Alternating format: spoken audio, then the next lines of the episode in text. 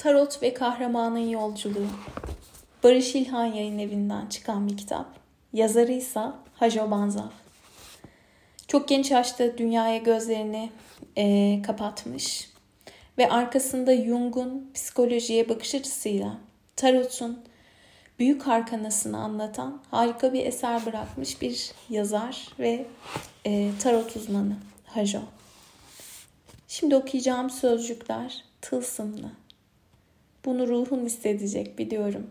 Çünkü bunu okurken ben bunu ruhumda hissettim ve defalarca kez baştan okudum. Artık bitti. Kahraman zafer kazandı. Güneşin yolunu takip etti. Cenneti ve cehennemi geçti. Bütün sınavları başardı ve gerçekten geriye döndü. Bu an sanki bir şafak zamanı gibidir. Karanlık çekilir. Ruh gecenin siyah semalarından ortaya çıkıp korkusuzluğun aydınlık ülkesine ayak basar. Derin bir nefes alalım. Hissediyor musun içinde bu sözleri? Baştan başlıyorum. Artık bitti. Kahraman zafer kazandı. Güneşin yolunu takip etti. Cenneti ve cehennemi geçti. Bütün sınavları başardı. Ve gerçekten geriye döndü.